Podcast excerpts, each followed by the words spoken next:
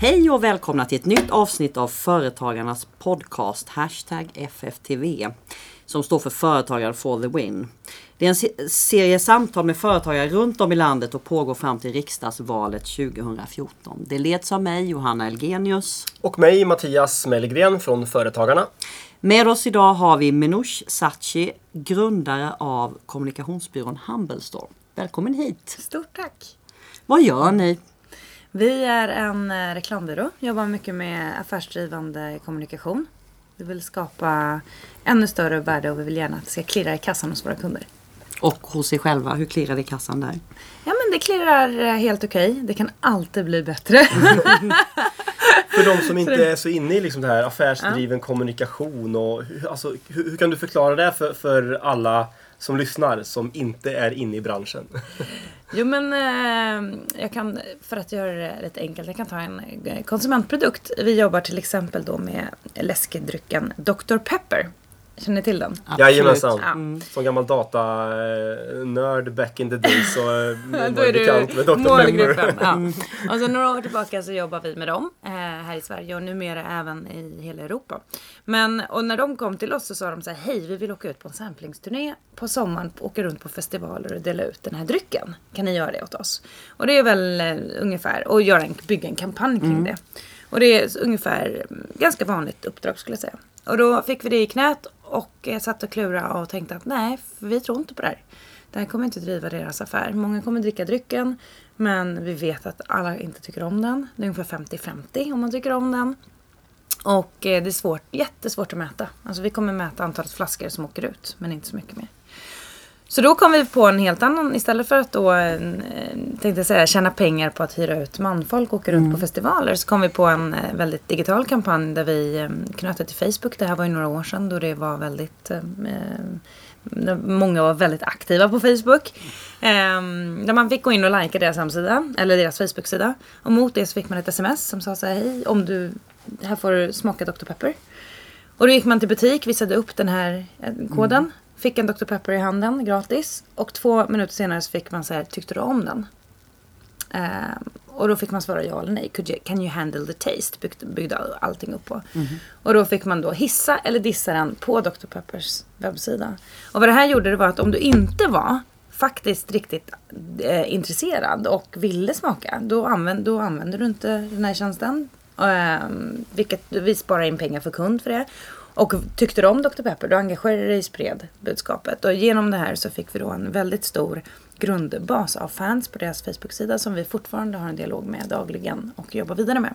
Mm-hmm. Och kan påvisa att, um, att vi har, alltså Dr. Pepper har funnits i tre år i Sverige och de går ju hur bra som helst. Om man tittar på den korta tiden de har mm. varit inne. Och det bygger på de här 25 000 fanbase som vi byggde upp då.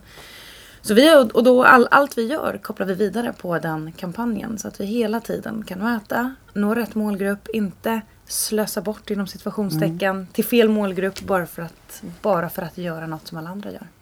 Hur många anställda är ni då? På byrån är vi eh, 19 personer som är helt fastanställda. Mm. Sen så um, har vi mycket frilansare, projektanställda som kommer in för olika kampanjer och så. Men sen har ni också en rekryterings Ja, vi har också vi har även en rekrytering och bemanning som är eh, fokuserad, som är ett eh, systerbolag mm. som eh, vi startade för några år sedan som jobbar med rekrytering och bemanning inom både fältsälj och marknad. Och det är för att många av våra kunder de har behovet av att skala ut sitt eget fältsälj eh, eller stötta upp i, eh, på marknadsavdelningen. Mm. Så då kan vi ge dem två erbjudanden om de önskar. Mm. Vi ska prata mer om er resa Humblestorm. Men först skulle vi vilja veta hur började det egentligen för dig? Hur växte du upp? Jag är, eh, om man backar bandet riktigt mycket så kan man säga att jag, eh, jag har två helt fantastiska föräldrar som är mina största eh, riskkapitalister i form av att de hjälpte mig med, med det här första beloppet för att starta mm. upp ett bolag. Mm. Eh, och som kom från Iran till Sverige 76 som gäststudenter. Mm. Och tanken var då att de skulle komma hit och plugga och sen flytta tillbaka. Och sen var det revolution och jag föddes och de blev kvar. Så jag har ju då, jag är ju född i Sverige men har min bakgrund liksom, i mm. iranska föräldrar. Och växte upp större delen av mitt liv i Sollentuna. Eh, ja och eh, började väl entreprenörsresan väldigt tidigt. Min pappa är entreprenör. Han sa upp sin fasta anställning på ett läkemedelsbolag och startade bolag ganska tidigt. Eh, och sen har han varit en sån här riktig eh, vad ska man säga? Jag vill inte, serieentreprenör låter väldigt, väldigt eh, ambitiöst. Men han, han, har, han har startat extremt många bolag. Och om det handlar om dåligt tålamod eller det vet jag inte. Men så jag, jag har haft med mig det. Att mm. det är ganska enkelt att starta mm. bolag. Mm. Är det samma bransch som du är inom nu han har drivit bolag inom? Inte alls. Inte alls? Nej. Och han har inte ens hållit sig till en bransch så han har gjort det mesta kan man säga. Men det han, det han eh, skapade som som kanske påverkade mig mest och som jag så här, i efterhand kan tycka är en av de roligaste grejerna att prata om. Det är att han var den första som startade hemkörningspizza i Sverige. Mm. Så han startade Pizza Express för massa, massa, massa år sedan. Och då fanns det inte hemkörningspizza. Mm. Så att det blev ju jättestort. Mm. Och slutade med att de fanns runt om i, i ja, hela Stockholm. Massa, massa pizzerier överallt som körde pizzor. Mm. Och jag tror att Pizza Express som varumärke finns väl mm. fortfarande. Mm. Ja, men, han, han sålde av delar av det successivt och sen klev han av. Det var ju mm. extremt mycket jobb. Mm. Och då kunde han ju inte baka pizza så han åkte ner till Italien och till Österrike och lärde sig baka pizza. Hur gammal var du då? Det här var, det här kanske var 86, jag var 7-8 mm. år gammal. Och det roligaste som fanns det var att följa med till pizzerierna och hjälpa till att vika kartonger. Mm. Eh, och det gjorde alla mina kompisar. Vi tyckte det var jätteroligt. Och det skulle väl klassas som eh, barnarbete idag. Just Men eh, det, Till och med jag jobbade så man fick vika kartonger så fick man en pizza efter högen ja. tillräckligt stor. Jättebra jobb. Bra, bra lön. Betalt till pizza. Ja. Betalt till pizza. Ja. Vad hände sen då? Nästa erfarenhet av företagande? Eller var det, var det studierna som tog vid? Eh? Nej, alltså, jag, alltså just det här entreprenörs... Jag ska väl säga att företagande är ju för mig ett bättre ord än entreprenörskap. För jag har inte förknippat mig själv med entreprenör förrän nu när det har blivit modeord kanske. Eh, men ehm, företagandet, nej men jag var tio år när jag, jag var gymnast när jag var liten och tyckte och älskade barn. Och ville gärna vara barnvakt och så var jag lite för ung för det. Mm. Så då var det jag och en kompis som gick till eh, vår rektor dåvarande skola och sa kan inte vi få checka ut ett par nycklar här till gympasalen. Vi vill anordna gymnastik för småbarn. Och så fick vi gå till kommunen, tog med oss föräldrar och så fick vi, en, fick vi nycklar mm. till gymnastiksalen och så la vi lappar i alla brevlådor i mm. området och sa att vi ska fixa barngympa. Så hade vi tre, fyra små barn där i några helger tills vi tröttnade ska jag säga. det var inte lika lukrativt. Men det, det var så här kombinera passionen för... Och då var ni tio år? Ja, då var vi tio. Mm. Det är ju ja, väldigt litet. och jag vet inte, vi skulle, tanken var att vi skulle ta betalt och vi fick säkert lite betalt. Men eh, ja. Nej men så det, det, det drivet att okej okay, jag vill göra någonting och då får jag göra det själv. Mm. Det har nog alltid funnits där. Mm. Men sen, sen pluggade jag och kom, som alla iranier så hade jag ju välja på mellan att bli läkare, civilingenjör eller advokat. Mm. och, och, hade inte betygen för att bli läkare, hade inte läs, läsro för att kunna bli jurist utan satt med civilingenjörs KTH-katalogen mm. i knät och bara okej okay, mm. vad, vad ska jag bli? Och hade ett matematiskt sinne. Så det blev elektroteknik, började där 99. Och eh, många av dem som jag tyckte var häftiga och som jag såg mm. upp till på KTH mm. som jag kom in och var så här duktiga, ambitiösa, sociala. De startade internetbolag. 99, 2000. Just det, det var ju precis så. Bubblans. Och de var några år äldre och jag tyckte, och jag blev så sjukt inspirerad och kände bara gud, jag måste också starta ett internetbolag. Och sen insåg jag snabbt att jag hade ingen idé, jag kunde inte programmera. Eh, jag visste, jag visste ju hur man surfar på nätet, men mer än så visste jag inte. Så att, men, men det där väckte en sån enorm lust och vilja att vilja starta ett företag. Mm. Så att när jag sen började jobba på Microsoft parallellt med studierna och min dåvarande chef på Microsoft skulle gå på mammaledighet. Det här var hösten 2001. Och det var lite kristider och, ehm, och då, då föreslog jag och tre andra att nej men, vi kan ta över det här. Och så kan vi starta upp ett bolag så kan ni köpa tjänsterna av oss. Så efter lite förhandling med Microsoft gick de med på det. Men var då från början dealen att ni bara skulle ha Microsoft som kund? Eller det spelade ingen roll för dem? Vi hade nog inte tänkt Nej. så långt. Nej, och för dem spelade inte det någon roll. Mm. Um, så det fanns inte med i någon, något avtal att vi skulle ha andra kunder. Utan, och vi hade ju inte ens någon kontor. Utan vi fick, vi fick uh, sitta kvar på Microsoft. Så vi fick liksom en, en avdelning på Microsoft där vi satt och drev lekte företag, brukade vi säga då. Eller i efterhand för att det kändes så. Men där satte vi igång. Och sen så småningom så kom vi i kontakt. Alltså Microsoft är en fantastisk referenskund. Mm, om du gör, om du gör ett bra Mm. jobb. Ja, absolut. Så att vi växte ganska snabbt och skaffade kontor och så. Så det var jätteroligt. Och under, under de första ett och ett halvt åren så hoppade de andra. Så vi var ju fyra som startade upp. Och under de första, inom loppet av ett och ett halvt år så hade de andra delägarna klivit av. Mm. För att de inte mm, brann för det här, trodde på affären, eh, kände att nej, men det, här, det här kommer inte bli så mycket större än vad det är. Mm. Eh, men jag kände att jo, men det här, det här kan vi bygga någonting av. Mm. Så jag fortsatte. Och då är vi 2000...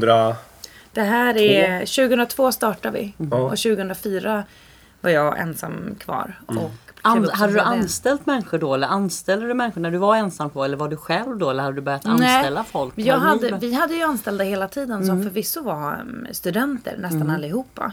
Men 2004 så anställde vi en, en, hon som är en som idag också är delägare som är, klev in som ekonomichef och eh, hjälpte till med all administration runt omkring företagandet. Ehm, och ganska snabbt, eftersom vi växte, så anställde jag ehm, projektledare och marknadskunniga personer. Så jag, jag hade ju aldrig varit anställd eller varit någon annanstans. Så jag kunde ju inte ens det. Vi, jag kunde ju just det vi erbjöd idag men inte det som var tanken att vi skulle erbjuda längre fram. Så jag anställde folk som var äldre än mig och hade mer erfarenhet och var duktiga. Som kunde hjälpa Det mig är nog väldigt smart. uppfylla Det är ju- den här visionen. Ja. När valde du att satsa på företaget helt ut och hoppade av studierna på? För jag förstår att du, du, du Ja.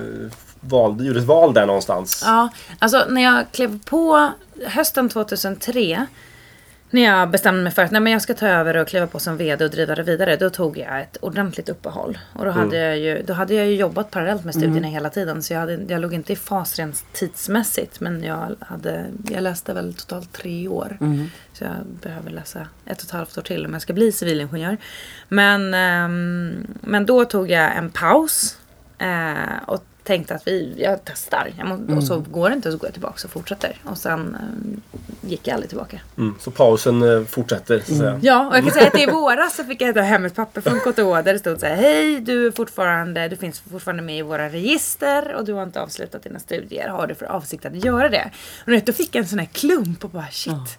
Nu är det definitivt, nu måste jag ju säga nej!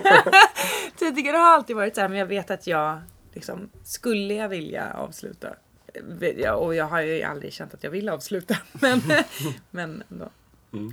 Ja, det blir så otäckt definitivt som sagt. Otäckt tydligt. Ja, vilket är intressant att man Ja. då. Man kan ju se er resa så här. Det är klart att ni hade att ni kom in på Microsoft. För från början måste ju varit liksom själva liksom att ni vågade satsa där. Men om du skulle se andra viktiga steg i där du kände, eller kanske du alltid har känt, men när du verkligen kände ja det här kommer verkligen gå väldigt bra. Vad var nästa steg? Jag tror att första, första var ju att bara starta upp och se att nej men, vi kan ju faktiskt, det här rullar. Även om det var ett väldigt litet bolag då så, så fungerade affären. Eh, bortsett från att vi som jobbade inte fick betalt för våra timmar. Men det får man ju nästan aldrig när man startar ett bolag. Vi jobbade dygnet runt. Eh, men, ehm, ehm, men nästa stora steg var nog när jag klev på och kände att nej, men nu ska vi ta in en eh, ekonomichef och eh, anställa fastanställda eh, på längre sikt och verkligen satsa. Det, var, det var nästa stora. Ehm, och då vi skaffade eget kontor i samband med det. För att vi kände att vi måste bryta oss loss från Microsoft. eh, och stå på egna ben. Och det var jättestort. För mig var det jättestort. Att bara för det första åka runt och titta på kontor och sen bara få ett par nycklar. Och sen känna att det här, det här är det här är vårt hem. Eller vårt andra hem. det är här. Nu kan vi bjuda folk till oss. Just det. Så. Lite mer le leka kontor på riktigt. Eller leka företag på riktigt kanske. Ja men det, blev, det var, en- det var en eh, häftig känsla att ha ett riktigt kontor. För vi, och parallellt, även fast vi hade kontor på Microsoft och vi hade, vi hade faktiskt ett, eh, vi hyrde ett rum på ett kontorshotell som vi aldrig var på bara för att ha en egen adress också. Men, men vi var ju på Microsoft hela tiden eftersom de var vår absolut största kund. Så, och affären på Microsoft såg ut så att de ville att vi skulle vara där. Men så var det jättestort. Efter det så var det nog när vi ehm, ehm, Ja, det är svårt. För att det, det är svårt att se de här riktigt stora kliven som har förändrat. Men eh, det är ju sm många små kliv. Mm. Medvetna eller omedvetna som gör att man är där man är idag. Mm. Eh, men ett väldigt stort medvetet kliv det var mm, för tre år sedan när vi, började, när vi bestämde oss för att vi ska gå ihop med en annan byrå. Och började aktivt leta en partner att gå ihop med eller köpa upp. Eh, för att då hade vi rullat bolaget i sen 2002 och det här var kanske 2000, när kan det vara? 2010, 2011 började de tankarna komma upp. Och där jag kände att ehm, det var jobbigt att växa organiskt. Marknaden hade varit tuff i flera år. Eh, och vi ville växa lite snabbare och enklare ta en marknadsposition. Förflytta varumärkets, varumärket och vår kompetens utan att för den skull eh, rekrytera in och få in nya. Liksom, um, så att istället för att rekrytera och riska väldigt mycket och hoppas att vi kunde sälja så bestämde vi oss för att nej, vi vill köpa ett bolag. Som har den positionen vi vill ha. Och som har kunderna. Och vi har också massa kunder och referenser. Och det var ju också ett här, stort steg. Som har varit otroligt roligt och lärorikt. Sen har ju du personligt också, om man, om man söker på ditt namn så ser man Du har ju blivit utsedd till Årets entreprenör några gånger va? Hur kändes det? Eh, det var ju fantastiskt. Eh, Jag trodde att det var ett skämt när Pontus Schultz ringde mig från Veckans Affärer och sa att "Ja, eh, vi har ju den här galan Näringslivets mäktigaste kvinna. Och den hade jag varit på och känt sig, jag kommer aldrig få stå på den där scenen. Jag är en sån tävlingsmänniska. Så jag hade gått på den året innan och känt sig, jag kommer aldrig få stå på den där scenen. För att det är bara storföretagare som står på den scenen och, och blir så mäktiga. Alltså kvinnor som gör den karriären. Och jag har ju valt en annan väg. Och sen när han ringde och sa att du kommer få pris. Du, kom, du är inte med på listan av förklarliga skäl. Men du ska få ett pris och sådär. Och jag trodde det var ett skämt. Jag bara, det här är helt galet. Eh, och det var ju helt fantastiskt att få stå där och ta emot priset. Samtidigt som det här var våren, mars 2009. Jag var ganska nybliven mamma. Eh, hösten 2008 så vet vi ju allt som hade hänt. Så jag kände, jag klev av scen och tänkte att okej, tänk om inte vi finns om två månader. Vad pinsamt och vad jobbigt. För då har jag fått det här priset och det var massa intervjuer och jag fick jättemycket uppmärksamhet. Och samtidigt så hade jag den här oron. Vi skulle säga upp för första gången. Vi skulle skala ner verksamheten för första gången. Och det var, det var ehm, riktigt eh, tufft. Alltså för mig personligen. Att få att försöka vara stolt och glad och, och hålla liksom hålla skenet uppe och vara glad samtidigt som det gjorde så fruktansvärt ont. Jag kände mig så misslyckad för att vi... Var det en stor tuffare. omställning av företag som kom då efter efter att ni var tvungna att säga upp och ni förlorade ni kunder och det var uppdrag? Och... Det var, det var inte jättestor omställning. Men jag visste inte det då. Att det inte skulle behövas, behöva bli så stor omställning. Så för mig var det bara, jag, jag vi sa inte upp jättemånga. Alltså i sammanhanget så var det eh, fyra personer som, som fick sluta hos oss. Men det var de fyra första ja, jag först- som fick förstår. gå på grund av att eh, på grund av att affären inte gick så bra som den skulle. Och för en entreprenör eller alltså för, som mig så var ju det, det var ju sånt misslyckande. Men en annan intressant aspekt det var att nu använder jag ordet entreprenör men jag såg ju mig aldrig som en entreprenör. Vad tänkte du när man sa entreprenör? Nej, jag tänkte att du måste ha ett patent. Du måste ha en unik affärsidé. Du måste vara extremt tekniskt kunnig på något sätt. Alltså ha program, programmerat något eller så. Hade ni lärt er det på KTH? Ja men lite Aha, så. Eh, och jag var inte entreprenör utan jag, jag drev ju företag. Men jag hade ju ingenting som, liksom på sin höjd hade jag en unik, liksom lite unicitet i vårt affärserb- eller i vårt erbjudande som gjorde att vi växte. Men jag var inte entreprenör. Men sen när jag fick det här priset då blev jag ju entreprenör. Och idag, idag är ju alla entreprenörer. Du fick, du fick inte välja där, du fick den stämpeln. Ja, direkt. Och fick den här frågan, vad är entreprenörskap för dig? Vad är entreprenör? Och, man tänka till lite. Du pratar ju om eh, förälder också här i, i, i 2008. Nej? Ja. Hur, hur är det? Företagare och förälder? Jo men det är ju, det är ju fantastiskt att bli förälder. Man eh, lär ju känna sig själv på ett helt annat plan. Ehm, sen är det... Alltså om, man, om, jag, om jag tittar på min, om jag tittar på min eh, situation som företagare och förälder i Sverige jämfört med företagare och förälder till exempel i Italien för kvinnor så är det ju helt enormt stor skillnad. Det är helt fantastiskt att vara företagare och förälder i Sverige. Um, för att vi har vi har trots allt, även fast jag är företagare så kan jag få ut en mammapeng och jag, jag, jag får, ja ni vet. Det, det, finns ett, det finns bra barnomsorg, det finns som gör att det underlättar väldigt, väldigt mycket. Men fortfarande så är det ju så att jag har ju inte varit riktigt mammaledig. För att det är svårt. Och det visste jag från början. Jag visste det. Att när jag eh, innan vi bestämde oss för att vi skulle skaffa barn så pratade vi om det hemma. Att okej, okay, men jag kommer inte kunna vara mammaledig. Mm. Och än mindre då eftersom, eftersom Charles, min äldsta son, föddes i juli 2008 och i oktober 2008 så kraschade ju allt. Så det, mm. även om jag hade tänkt att jag skulle köra lite halvfart, vara ledig några dagar i veckan och vara på kontoret några dagar i veckan. Så blev det ju bara, det var ju bara att åka in. Det gick inte att göra så mycket. Um, och det, det är ju både, det beror på vad man, många är så här, ja men vet, man får ju höra så mycket när man ska bli förälder. Framförallt kanske av andra kvinnor. Att ta vara på den här tiden. Och barnen kommer aldrig vara små igen. Och du, hur kan du prioritera jobbet för och sådär. Och det är ju att, att driva företag är ju till viss del en livsstil. Mm. Det är en egenskap. Alltså jag, jag är en jag är företagare. Till mångt och mycket. Jag kan inte bara klippa bort det. Och då tror jag att eh, man måste omge sig med andra företagare, andra föräldrar som driver företag för att hitta en normaliserad mm. tillvaro. För att i min tillvaro med mina kompisar som var anställda på mammalediga så var inte jag normal. Jag var, jag var konstig och det är lätt att man börjar ifrågasätta sig själv och börjar ifrågasätta mm. allting och går runt och mår väldigt dåligt. Mm. Um, men samtidigt är det så att som företagare så kan jag ju... I somras var jag ledig väldigt länge. Mm. För att mm. idag har jag möjlighet att vara det på ett annat sätt. Och då var jag med mina barn och jag kan ju faktiskt eh, ta extra sovmorgon och det bestämmer jag själv. Och jag kan vara ledig och vara med barnen om jag känner att jag eh, vill det eller om det är några omständigheter som gör att jag måste vara det på ett annat sätt. På samma sätt som mina barn har varit på jobbet extremt mycket. Mm. Vi har ju till och med lekhörner på jobbet för barnen. mm. det uh, så det, ja.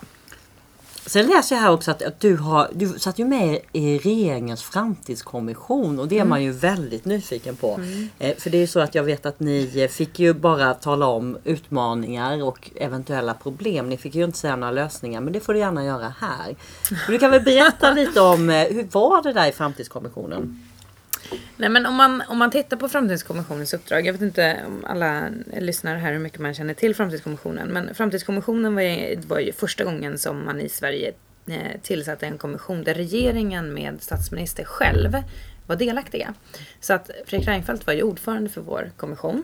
Eh, och de andra allianspartiledarna var med som medlemmar. Så de, de var ju med på alla möten de fyra. Och så var vi nio externa. Och vi sågs ungefär varannan månad tre timmar åt gången. Och vårt uppdrag var ju att identifiera framtidens utmaningar. Inte hitta lösningar utan på 2020-2050 på den liksom framtids... Alltså under den, den, tidsperioden titta på vilka utmaningar står Sverige inför. Och då var vi nio stycken från helt olika områden med expertiskunskap om olika delar som skulle diskutera det här tillsammans med dem. Mm. Och jag känner ju enorm tillförsikt i att man gör ett sånt här arbete. Mm. Eh, för det säger ganska mycket om, om den respekt man har för framtiden oavsett sin egen mandatperiod.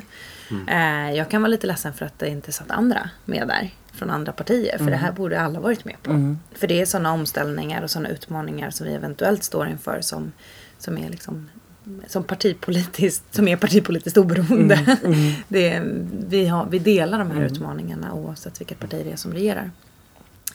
Eh, så det var ju mycket diskussioner såklart. Det är ju, jag, jag brukar säga att det var så kvalificerad trendspaning. Eh, vi hade ju mycket forskare. Vi hade experter inbjudna till som föredragare och sen var det ju fri diskussion. Och det är ju som ett, och det här kan man ju tycka vad man vill om, men det blir ju jag som kommer från en kreativ miljö där, där vi faktiskt diskuterar och brainstormar och sitter och, och det är mm. helt öppet. Man får mer eller mindre säga vad man vill, för det är ju de tankarna som vi hittar de här brytpunkterna och faktiskt kan identifiera eventuella utmaningar. Mm.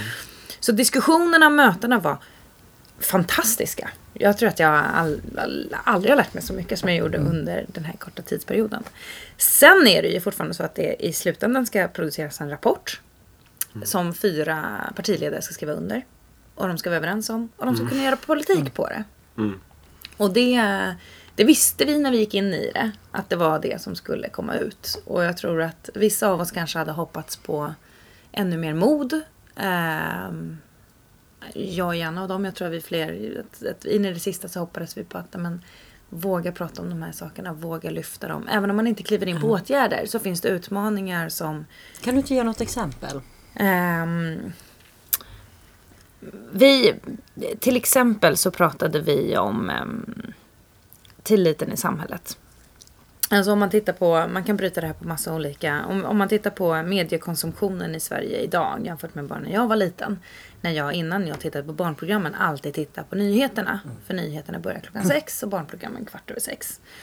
Så att jag hade en koppling till politiken och till min omvärld hela tiden. Det fanns inte i skolan så pratade vi väldigt mycket om politik och om, om samhället. Det gör man till viss del idag fortfarande. Men jag kunde inte som barn undvika det samhälle jag levde i. För att det fanns bara tre tv-kanaler. Så att vi tittade på samma saker. Mm. Idag är det så att du kan växa upp oavsett ålder, oavsett var i Sverige. Och helt medvetet eller omedvetet undvika politiken.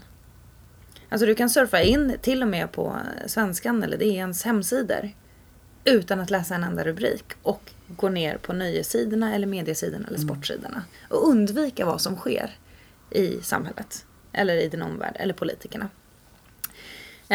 Um, och det här är en utmaning utifrån att hur får vi... Vi, vi ser att många är väldigt aktiva i, i politiken idag men det blir mer och mer nischat. Man, man, man är aktiv för sin lilla kärnfråga som berör mm. mig men inte så mycket runt omkring. Och det här är ju en utmaning i sig. Kopplar man då ihop den, till med, eh, ihop den med den eh, arbetssituation vi befinner oss, den globaliserade värld vi, vi befinner oss i och det, det utanförskap som börjar byggas mm. upp eh, mellan både etniska grupper, mellan landsbygd och storstad, eh, mellan norra Sverige och södra mm. Sverige. Eh, vi har kommuner som knappt har några intäkter för att du bor bara där, du flyttar hem när du blir gammal men du flyttar därifrån för det finns inga jobb. Så vi börjar se ett, en, ett samhälle som, som inte hänger ihop av förklarliga skäl. Som vi kanske inte kan påverka så jättemycket. Mm. Men sätter man ihop de här två. Eh, så, så worst case så skapar ju det en otrolig eh, missnöjdhet. Och att du, du har inte, du får inte den tilliten till de som regerar. Och på sikt så hotar det demokratin. Eh, det här kan vara en mm. spaning och utmaning. Mm. Eh, men om man då tittar på forskarrapporter så har vi bland de högsta tilliterna i hela världen. Mm. Och då kan vi måla upp den här fantastiska bilden av att nej, men vi har inga som helst problem i Sverige. Mm. För att vi har så hög tillit och vi har så många som går och röstar. Mm. Men på 20 års sikt så kanske inte alls är så. Alltså det finns massa, vi har massa mm. utmaningar med att vi bryter loss samhället. Och det här är inget parti. Ingen är med på det här tåget. Mm. Utan alla förlitar sig på att det, vi, pra, vi kan prata utanförskap. Men vi kopplar inte ihop mm. de här olika delarna. Som entreprenör, hur ser du era, eller liksom om man ser lite, så, ser du liksom, finns det något företag, är det något är det inte, liksom, vad, skulle, vad skulle man kunna göra som entreprenör för att liksom minska de här klyftorna? Det måste ju, borde ju kunna startas jättemycket företag i de här små byarna eller i vissa förorter. Vilket det också gör ska man ja. säga. Vi träffar ju några av mm. entreprenörer här. Men, men hur tror du man skulle liksom som liksom medborgare, ett sak, men om du utifrån liksom entreprenörsperspektiv, man ser de här klyftorna. Hur, hur, vad kan individer göra? Nej, men jag tror att um, när vi pratar om entreprenörskap så är det så otroligt lätt att se en, en storföretagare framför mm. sig i form av för, alltså en, en, en, företagare som ska anställa och bygga mm. ett företag. Och jag tror att vi här måste se hela spektrat. Alltså i Sverige har vi väldigt många eh, små företag. Väldigt många där man driver, det, alltså det, det eh, handlar om levebrödsföretagare. Mm. Att istället för en inkomst så driver jag företag för att faktiskt få mat på bordet. Mm. Och det mindsetet som vi också ser att väldigt många mm, som inte är etniska svenskar har med sig. Att, få inte, att man skapar sig sitt jobb. Det tror jag att vi måste börja jobba med i väldigt unga år. Redan i skolorna. Mm. Med att nej men, det finns olika alternativ. Antingen kan man söka ett jobb eller så kan man skapa sig ett jobb. Och även hitta förebilder, inspiration för hur man gör och varför. Alltså idag är det ganska lätt att starta ett företag om man tittar på just startfasen, mm. att man kan klicka på mm. nätet och starta ett mm. företag mer eller mindre. Eh, om man jämför med många, många andra länder. Men däremot så behövs ännu mer inspiration, förebilder och stöd för att få personerna att våga. Att våga släppa ett eventuellt skyddsnät. Eh, att våga ta klivet över och inte känna att misslyckas jag så är jag körd. Eller för den del uppleva det. För det finns de som hamnar helt utanför när de inte klarar av att driva sitt företag. Mm. Så att vi behöver bygga ett lite, lite starkare skyddsnät för att få fler att faktiskt våga både mm. se sig själva som företagare men även, även våga ta klivet mm. över. Mm. Vad var den viktigaste, viktigaste erfarenheten av det här arbetet med Framtidskommissionen? Vad, vad tar du med dig av, av det i din i företagar, företagarliv? Nej, men, eh, jag vet inte om det är någonting specifikt i företagarlivet som jag tar med. Men, men jag, om jag går väldigt personligt, är så här, jag, kom, jag är säker på att jag kommer ut, jag kommer kunna påverka mm, det svenska samhället mycket, mycket mer om jag gör det jag gör idag och är ute och pratar och träffar andra företagare mm. än, än om jag kliver in i politiken. En sån här mm. konkret grej. Eftersom väldigt många frågar, ska inte, oh, men är du på väg in och ska du inte bli mm. politiker och börja engagera dig? Och känner att nej men det här, här ser jag. Mm. Eh, men eh, och utifrån, utifrån företagarperspektivet så tror jag att ehm, eh, vi, alltså överlag så behöver vi, vi behöver alla jobb. Det säger, pratar ju alla om. Och mm. vi behöver se företagarna som jobbskapare. Mm. Det är jätteviktigt. Om vi kan få alla företag som har noll anställda, där det är bara en ägare som jobbar, och anställa en person. Eh, och göra det betydligt enklare för den företagen. Och, mindre, och lite mindre risk i att anställa en person eller anställa två personer. Då har vi kommit så otroligt långt.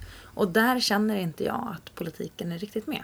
Om du fick bestämma över näringspolitiken för en dag, bestämma en sak just för att underlätta för att anställa den första, första personen. Vad, vad tror du är det viktigaste som politiken ändå har makt över?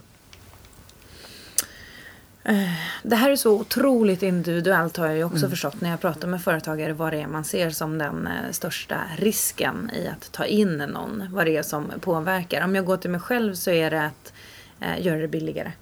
Mm. Alltså ta bort, eh, ta bort arbetsgivaravgift för första mm. anställda. Mm. Och ta bort eh, sjuklöneveckor. Och, mm. alltså, för det är det, rent krasst så, så är det så att är du två anställda och eh, med dagens liksom, anställningsavtal och finns det inte jobb så nej men då finns det inte jobb. Att det, det, det pratas väldigt mycket om att det är så svårt att säga upp någon. Så svårt är det inte. Även om du är en liten företagare. Men däremot är det dyrt. Det är väldigt mm. dyrt. Mm. Um, vilket gör att du måste dra in så otroligt mycket pengar. Mm. För att kunna anställa någon. Så ta bort, ta bort arbetsgivaravgiften för den första anställda under en begränsad period. Mm. Mm.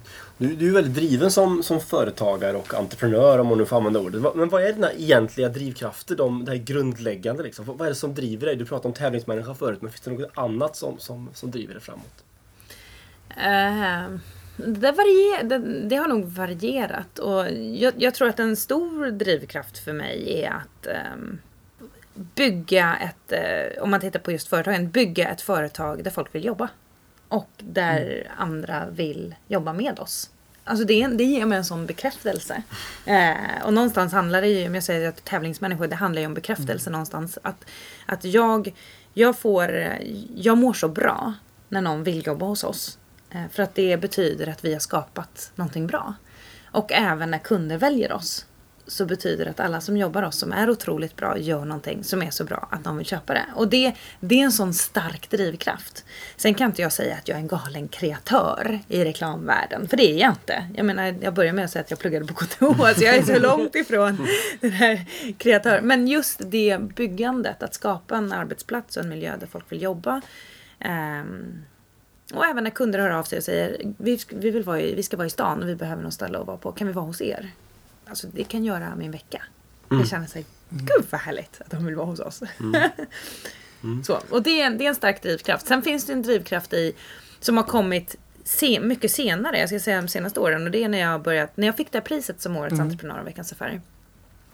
Så var ju motiveringen att jag drev det största bolaget till omsättningen som kvinna under 30. Och då omsatte vi knappt 40 miljoner. Och det var jag ju såklart jätteglad för att gud, jag, om alla kvinnor under 30 så är det största bolaget. Mm. Och sen eh, senare på kvällen, dagen efter, så började jag fundera på om, om en kille hade fått samma pris. Undrar vad stort det bolaget hade varit. Kom de med tävlings... Ja. Så då ringde jag till Pontus eh, på Veckans Affärer och bara du hur skulle det ha varit? Mm. Och, han bara, Vilka? och så gjorde han en liten enkel research. Bara, ah, men någonstans mellan 500 och 700 miljoner. ja. Och då blev jag så här, men shit! Varför? Varför driver inte vi kvinnor större bolag? Och så pratar vi om jämställdhet och liksom vi vill, ja. Och kombinationen av att tjejer inte driver så stora bolag generellt sett, att vi inte bygger bolag på det sättet. Eh, kombinerat med jämställdhetsfrågor som jag engagerat mig i har jag liksom identifierat att vi tjejer måste bli mycket bättre på att eh, och vilja tjäna pengar. För i, i Byggandet av att vilja bygga något stort så finns det en, en, en del i det hela. Det är ju att faktiskt få, få den omsättningen och tjäna pengar. Eh, och det andra med jämställdhet är att makt är pengar. Pengar är makt. Alltså det, det hänger väldigt, väldigt tajt ihop. Kanske att pengar är makt mer än att makt är pengar.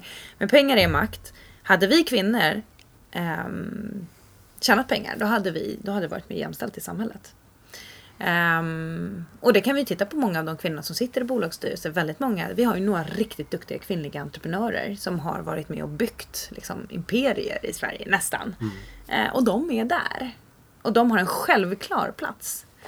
Så det har jag, även om det inte för mig är, jag, det är jätteviktigt som företagare att tjäna pengar, annars finns inte ditt företag. Men för mig har det blivit en drivkraft även att få att få igång mm. den. Alltså jag tycker det är jätteviktigt att vi börjar prata pengar som, som tjejer som kvinnliga företagare att vi pratar pengar, oavsett egentligen om vi är företagare eller inte, att vi pratar pengar, att vi vågar tjäna pengar och att vi därigenom kan ta oss upp och bli mer jämställda i Sverige. Mm. Om du, vi pratade här innan om, om före, förebilder. Du, dina föräldrar har varit starka förebilder. Har du, har du andra förebilder? Har du någon kvinna och någon ehm. man du tycker är spännande deras resa som du ser upp Alltså jag, är, jag blir väldigt lätt inspirerad mm. av alla. Ah. jag, jag är ganska, um, om man tittar just på så här, finna inspiration så mm. är jag mm. nog ganska lättflörtad. Och finner, jag kan finna mm, de flesta människor väldigt intressanta och de kan inspirera mig på olika plan. Mm. Så jag har inga, jag kan inte säga att den här personen är en stor förebild och bara peka ut en person. Den som, den som jag, om jag måste peka ut någon så brukar jag ta någon som är väldigt, väldigt långt bort. Um, och det, det är att jag, jag älskar Madonna. Mm. Uh, utifrån, och då inte, inte liksom kanske hennes personliga val i livet, men om man tittar på om man tittar på vad hon kommer ifrån, vad hon åstadkommit, hennes musik som har inspirerat mig och fått mig att lära mig dansa, stå längst fram på scenen och uppträda och få, fått mig att bli eh, stärka mina ledaregenskaper. För att jag gillar henne så mycket. Jag tyckte hon var så cool när jag var 8, 9, 10, 11, 12 år gammal. Men sen även hela hennes, om man tittar på, hon hade till och med en turné som heter Reinvent Yourself. Som bygger på att men, du måste återuppfinna, alltså du måste hitta ditt nya jag hela tiden och mm. anpassa dig till marknaden. Och det tycker jag är otroligt bra entreprenörsegenskap. Att göra det. Sen hur man gör det, det, det måste alla göra mm. individuellt. Mm. Men i den snabbföränderliga värld vi lever i så måste vi hela tiden skruva på oss själva och därigenom den, den, det, där vi samver, liksom, samverkar med andra.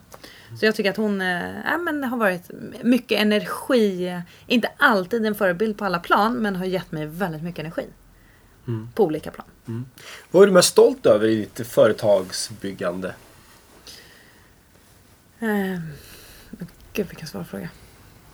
Jag är väldigt stolt över eh, de människorna som jobbar hos oss. Jag tycker att vi har hittat en um, vi har varit väldigt duktiga och medvetna i vår rekrytering. Så vi, när man kliver in på vårt kontor så hoppas jag att man känner att vi är inte en traditionell Stureplans reklambyrå. Utan vi, eh, ja men vdn är civilingenjör, en annan partner, vår CD är jurist, en annan, vår planner är IT-ingenjör. Eh, vi, vi har ett väldigt brett spann av personer som jobbar hos oss.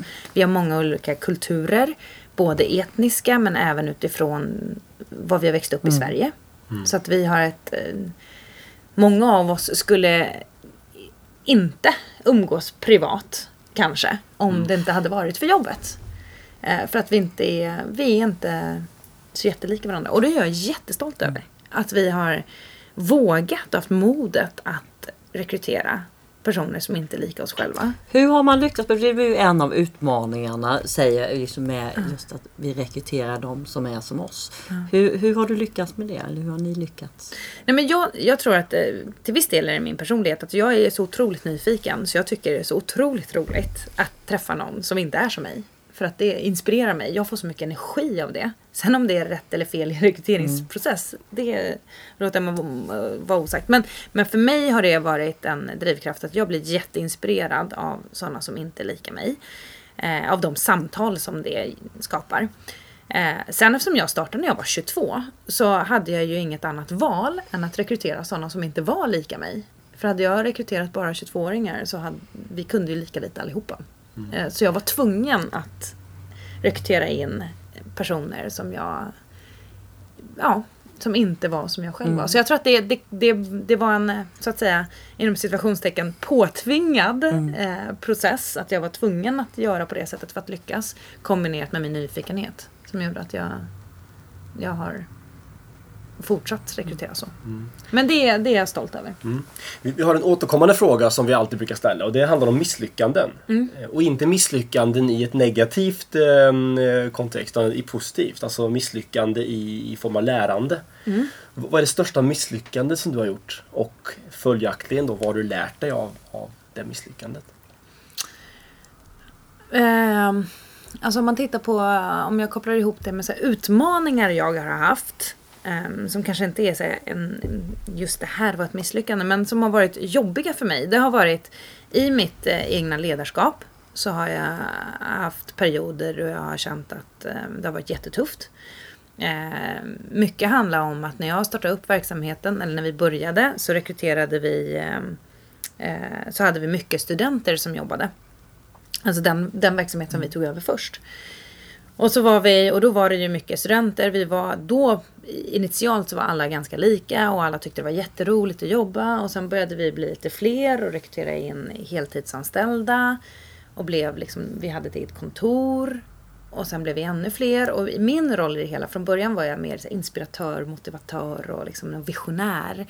Eh, och ledare. Och sen eh, hamnade jag i en situation där jag skulle bli chef. Och sen när vi blev ännu större, då skulle jag då förväntades det av mig att jag skulle bli VD. Och liksom peka med hela handen. Så här ska vi göra och, det här, och på det här sättet. Och mer strategisk och jobba med styrelsearbete. Och de där olika rollerna. ehm, det var inte jag själv som kom på att nu behövs det här. Utan jag kände det. Av ren smärta. Att oj, hoppsan. Nu borde jag ha blivit. Jag, jag borde ha blivit VD. Och jag är inte det. Och nu ska jag vara chef. Och jag är inte det. Och jag ville inte vara det. För jag, jag ville ju bara vara en i gänget. Jag ville ju vara med alla andra. Eh, jag ville ju bli medbjuden på AVs. Och så helt plötsligt blev jag inte det. Eh, och jättejobbigt. Eh, sen, vet, sen är det svårt att säga var det ett misslyckande. Mm, På ett sätt ja, för att det tog enormt mycket energi från mig. Hade jag varit mer medveten i bolagsbyggandet och tillväxt vad det krävdes så hade jag legat kanske lite i framkant eller liksom legat lite före. Men nu fick jag, fick jag gå den hårda vägen. Eh, så det är, väl, det är väl en av de här stora ledarutmaningarna tror jag. Om du skulle starta ett, ett nytt företag idag och du fick inte göra det i samma bransch. Vad skulle det vara då? Jag skulle starta ett produktbolag. Bara för att testa. Produ- någon speciell produkt? Eh, nej, jag vet inte. Nej. Det har jag ingen aning om. Men jag skulle tycka det var... Nu, nu jobbar vi ju med tjänster och det, är- jag älskar det eftersom jag tycker om att jobba med människor. Men det skulle vara otroligt roligt att, att, jobba, att få testa att jobba med produkt och tillverkning och liksom... Ja men ni vet. Nu målar jag upp en sån här idealbild. Åka till Kina Ja. och titta på fabriker. Ja. Det är så långt ifrån det jag gör idag. Och så känna på material och... Ja.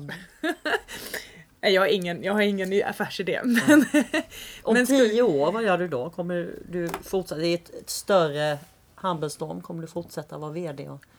ägare? Jag vet inte. Jag låter den frågan vara ganska öppen. Mm. Jag vet att om eh, tre år så gör jag det fortfarande. Däremot om tio år, ingen aning. Jag är inte alls säker på att mm. jag är där. Utan jag tror att eh, är det så att vi växer mycket och blir eh, mycket större och liksom Ja, då, då är det nog mycket möjligt att jag har klivit av och så får någon annan, annan göra det. Göra nästa resa. Mm. Om du skulle ge något råd till någon som sitter och funderar på jo jag skulle vilja säga upp mig och starta ett företag men jag vet inte om jag vågar. Vad är det, vad är det för, för att bli framgångsrik som företagare? Vad behöver man? Man behöver mod. Eh, man behöver um, bra nätverk omkring sig som stöttar en. Eh, och då, då menar jag inte att det behöver vara... Många blir så rädda när man säger nätverk och säger att Nej, men jag har inga nätverk av framgångsrika människor. Det är inte det jag menar. Jag menar nätverk av folk som stöttar dig rent känslomässigt. Mm. När du går och säger att jag vill starta företag säger de inte Nej men oj, har du tänkt på? Nej men oj, oj, oj, oj. oj. Det låter läskigt. Utan säger shit vad roligt. Vad är din affärsidé? Hur kan vi utveckla den? Och stöttar den känslomässigt. Eh, mod, bra eh, nätverk. Tycker du något skolan, för tidigare vi har pratat med så säger alla, det är några som har sagt liksom något där skolan borde, borde ta ett starkare grepp om detta just det, entreprenörskap. Fast kanske, är det, något, är det någon sån idé du har? Men jag tror att skolan kan bli mycket eh, bättre på att på entreprenöriellt lärande som det står i skolplanen. eh, som inte handlar om att skapa entreprenörer, det vill säga företagare. Men som blir bättre på att skapa kreativa människor. Oavsett var vi befinner oss. För jag tror att de egenskaper, det finns några egenskaper som, som man brukar förknippa med företagare. Och, eller som jag gör. Och varav den främsta egenskapen är nog mod. Att man faktiskt vågar ta steget mm. över och, och köra. Eh, och den egenskapen är otroligt viktig även om du inte är företagare. Den behövs i alla våra stora organisationer. Den behövs i offentlig sektor, den behövs i stora, stora näringslivsbolag. Såväl som den behövs i små bolag. Mm. Att hela tiden utmana. Vad kan vi göra bättre? Hur gör vi det här bättre? Var modig med rekrytering. Var modig med att hitta nya tillvägagångssätt för att lösa problem. Eh, var modig med att skapa en kultur som är attraktiv eh, och jobba aktivt med den. Så jag tror att för skolan, om de tolkar entreprenöriellt lärande i kreativitet och mod så skulle jag bli väldigt lycklig. För jag tror att det ger oss bättre förutsättningar att ligga i framkant i Sverige mm. oavsett på företagarsidan. Om man väljer den vägen eller som anställd. Stort tack Minosh Sachi, VD för Humblestorm. Vi ser fram emot att följa dig i framtiden. Det har varit jättespännande att lyssna på dig. Tack snälla. Tack så jättemycket.